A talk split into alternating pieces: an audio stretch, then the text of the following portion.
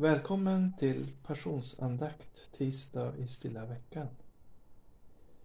Vi sjunger från psalmboken 781.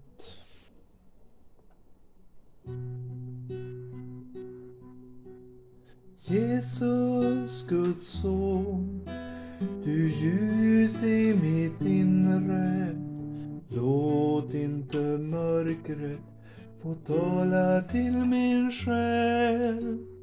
Jesus, Guds son, du ljus i mitt inre. Öppna mig för din kärlek och frid. Jesus, Guds son, du ljus i mitt inre. Låt inte mörkret få tala till min själ. Jesus, Guds son,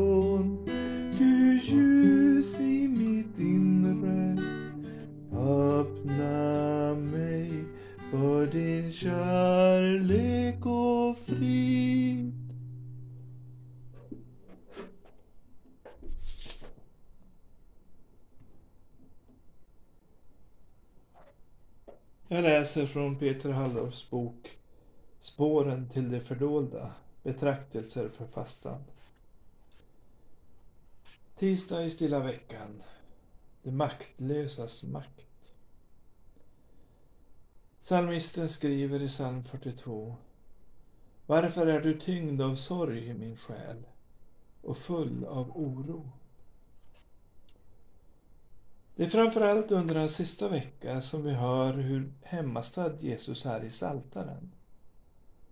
När det yttre motståndet kulminerar och trycket ökar i hans inre finner han ord för sin bön i Israels stora salmer. Min själ är bedrövad ända till döds, säger han i slutet av Matteusevangeliet.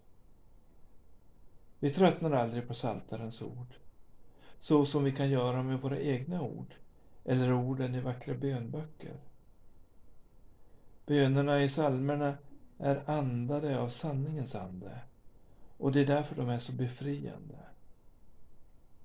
Men många psalmer blir svåra att göra till sin personliga bön innan vi upptäckt att Jesus är jaget i Saltarens böner. När vi ber med Saltarens ord förenas vi med Kristi jag. Jesus förskonar oss inte från något. Saltaren är förtrogen med allt. Här får vi hjälp att överlämna våra liv åt Gud, hur omständigheterna än ser ut. I den 22 salmen, det lidande Israels och den korsmärkta kyrkans stora psalm, känner Jesus igen sin egen övergivenhet när livet är på väg att rinna, honom på, rinna ur honom på korset. Han gör salmens ord till sitt eget rop. Min Gud, min Gud, varför har du övergivit mig? Jesus lär oss absolut ärlighet inför Gud. Orden är inte de i sista i denna psalm, men de är de första.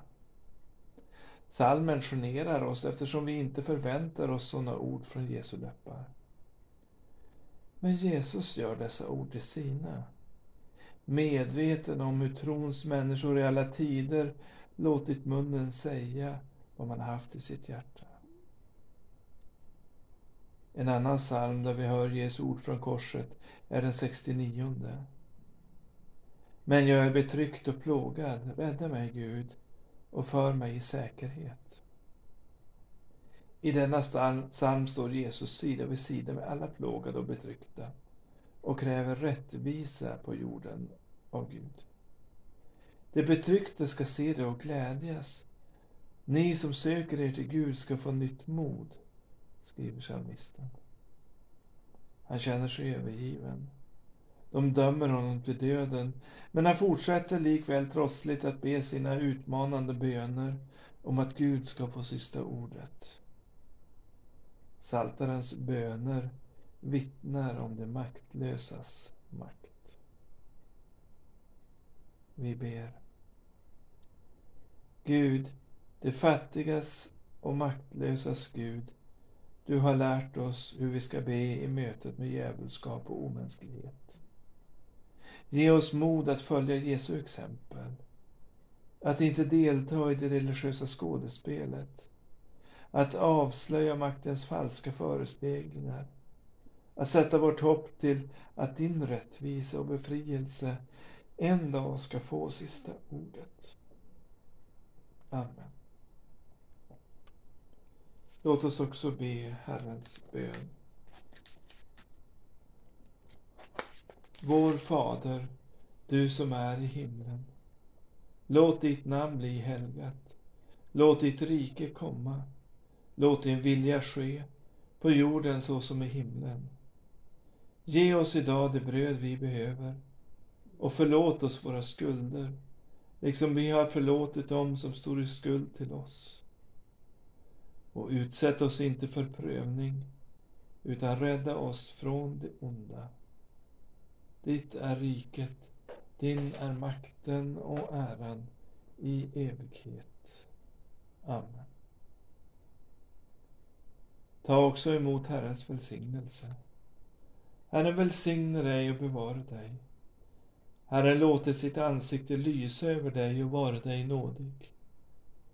Herren vände sitt ansikte till dig och give dig frid.